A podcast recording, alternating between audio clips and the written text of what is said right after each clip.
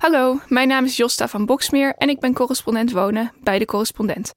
Ik heb een stuk geschreven over beleggers op de woningmarkt en waarom die verhinderen dat wonen betaalbaar wordt. Om aan betaalbare woningen te komen, zet minister Hugo de Jonge namelijk vol in op beleggers die bouwen met geld van pensioenfondsen. Maar dat werkt niet. Het is nu eenmaal hun taak om rendement te maken.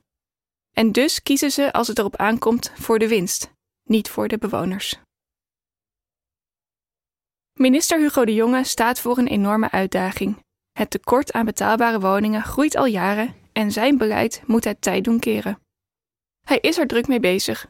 Zo stuurde hij een voorstel naar de Tweede Kamer om de huren in de vrije sector aan banden te leggen, maakte hij afspraken met provincies over het aantal woningen dat erbij moet komen en wil hij in kunnen grijpen als provincies en gemeenten onvoldoende sociale en middenhuurwoningen bouwen. Maar een weg uit de wooncrisis is vooralsnog niet in zicht. De jongen ziet een fundamenteel probleem over het hoofd. De manier waarop woningen worden gebouwd en verhuurd verhindert dat ze daadwerkelijk betaalbaar worden.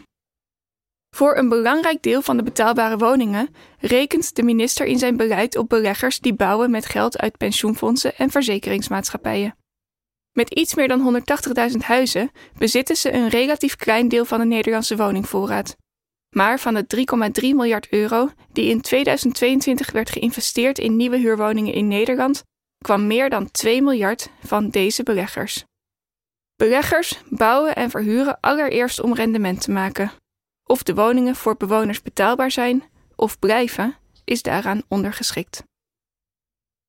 Vooropgesteld, dat kun je die beleggers niet kwalijk nemen. Hun taak is nu eenmaal bijdragen aan een goed pensioen voor werknemers en het veiligstellen van verzekeringsgeld. En omdat ze rendement moeten maken, zijn ze afhankelijk van huurinkomsten. De jongen kan dus niet van hen verwachten dat ze de huren laag houden. Dat de minister toch op beleggers inzet, zit er maar in dat zij veel geld ter beschikking hebben.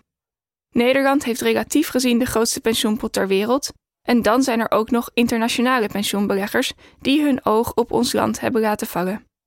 Een enorme wall of money dus. En met de lage rente van de afgelopen jaren werd investeren in vastgoed een populaire manier om die te beleggen. En, anders dan de particuliere beleggers, vermogende individuen die vooral hun eigen kapitaal willen laten groeien, doen de beleggers van pensioen- en verzekeringsgeld, in jargon institutionele beleggers, dat voornamelijk door te investeren in nieuwbouw. Dit maakt pensioenbeleggers de aangewezen partij voor de bouw van woningen voor middeninkomens. Mensen die te veel verdienen voor een sociale huurwoning, maar met de hoge prijzen van nu ook geen huis kunnen kopen. Er is geen eenduidige definitie van deze middenhuurwoningen, maar over het algemeen kosten ze tussen de 800 en de 1100 euro per maand. Maar omdat het hun taak is rendement te maken, bouwen beleggers veel minder van dit soort woningen dan de overheid graag zou willen. Neem Amsterdam. Daar is maar 25% van de woningen waarvan de bouw vorig jaar begon, zo'n middeldure huurwoning. Nog eens een derde zijn sociale huurwoningen, terwijl de gemeente wil dat dat in beide gevallen 40% is. In de categorie dure huur- en koopwoningen komen er juist meer bij dan de gemeente wil. Dat werd in totaal 40%, terwijl het maar 20% had moeten zijn. Voor Den Haag zijn de nieuwste cijfers nog niet bekend, maar in 2021 maakte eveneens meer dan 40% van de ruim 2300 nieuwe woningen in de stad deel uit van het dure huur- of koopsegment, terwijl de gemeente mikte op 30%. 13% waren middeldure huurwoningen, terwijl dat 20% had moeten zijn. De Utrechtse Rekenkamer constateerde onlangs dat, ondanks alle inspanningen, het percentage middenhuurwoningen in de stad niet is gestegen.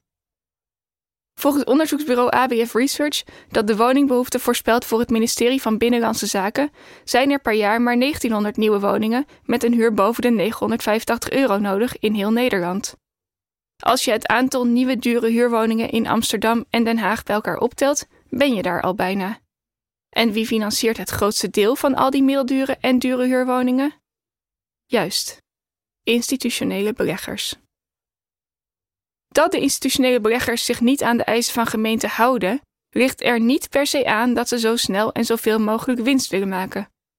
Ze zouden in principe meer kunnen verdienen. Maar ze zitten wel vast aan de afspraken over het rendement met de pensioenfondsen en verzekeringsmaatschappijen. Als ze doen wat de gemeente graag wil, kunnen ze die afspraken niet nakomen. In veel gevallen lijden ze zelfs verlies. Zo zijn de grondprijzen en de bouwkosten erg hoog en stelt de gemeente eisen aan de kwaliteit en duurzaamheid van huizen. Voor de bouw van huurwoningen in de vrije sector is bovendien geen financiële steun van de overheid beschikbaar. Voor sociale huurwoningen is die er wel. Door een garantie van de overheid kunnen corporaties goedkoop lenen. En voor koophuizen is er de hypotheekrenteaftrek. Gemeenten zien zich voor de keuze gesteld. Of er komen woningen die duurder zijn dan zij voor ogen hebben, of er komen geen woningen. En dus geven ze mee. Ook als woningen aanvankelijk wel betaalbaar zijn, betekent dat niet dat ze dat blijven. De afspraken die gemeenten met beleggers maken, gelden maar voor een bepaalde tijd. Daarna gaan de huren flink omhoog. Dat gebeurde bijvoorbeeld op het Amsterdamse Java-eiland, waar de helft van de ruim 1200 woningen in handen is van institutionele belegger Bouwinvest. Bij het afsluiten van de erfpachtovereenkomst in 1995 was de gemiddelde huur iets meer dan 600 euro per maand. Met de gemeente was afgesproken dat de woningen in ieder geval 16 jaar lang in het middensegment zouden blijven. Maar zodra deze termijn afliep, schoten de huren de lucht in.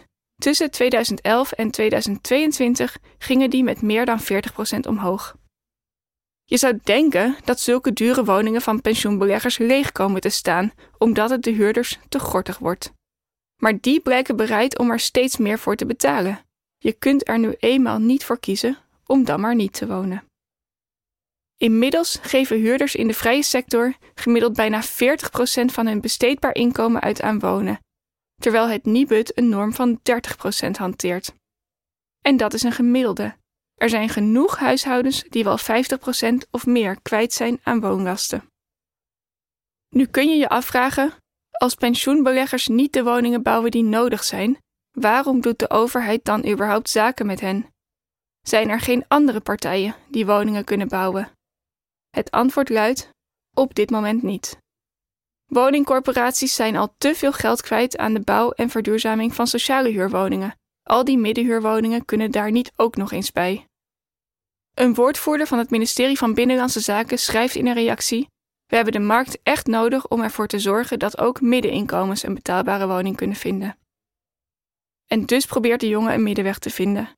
Hij stelt maatregelen voor waardoor de huur van zo'n 300.000 woningen op termijn omlaag gaat en stelt tegelijkertijd versoepelingen voor. Bijvoorbeeld om woningen met een goed energielabel een hogere huur te geven. Dat is begrijpelijk. Alleen, echt betaalbaar wordt wonen er niet door. Hoog tijd dus om de juiste vragen te stellen. Niet hoe kan de overheid de huren binnen de perken houden, maar van wie moeten de woningen zijn? Zodat de bewoner niet het rendement weer voorop komt te staan in het woonbeleid. Met veel dank aan datajournalist Helene Emanuel voor haar bijdrage aan dit onderzoek.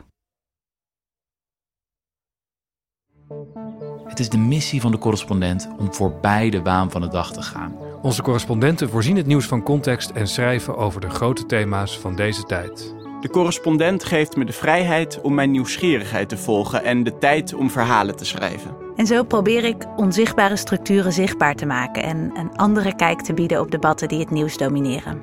Dan gaat het minder over het spelletje en veel meer over wat er op het spel staat. Vanaf dag 1 zijn onze artikelen, boeken en podcasts gefinancierd door onze leden. Volg ons op onze journalistieke zoektocht. Overweeg eens lid te worden van de correspondent. En maak daarmee samen met ruim 70.000 anderen onze onafhankelijke journalistiek mogelijk. Dus word lid van de correspondent. Ja. Word lid. Word lid.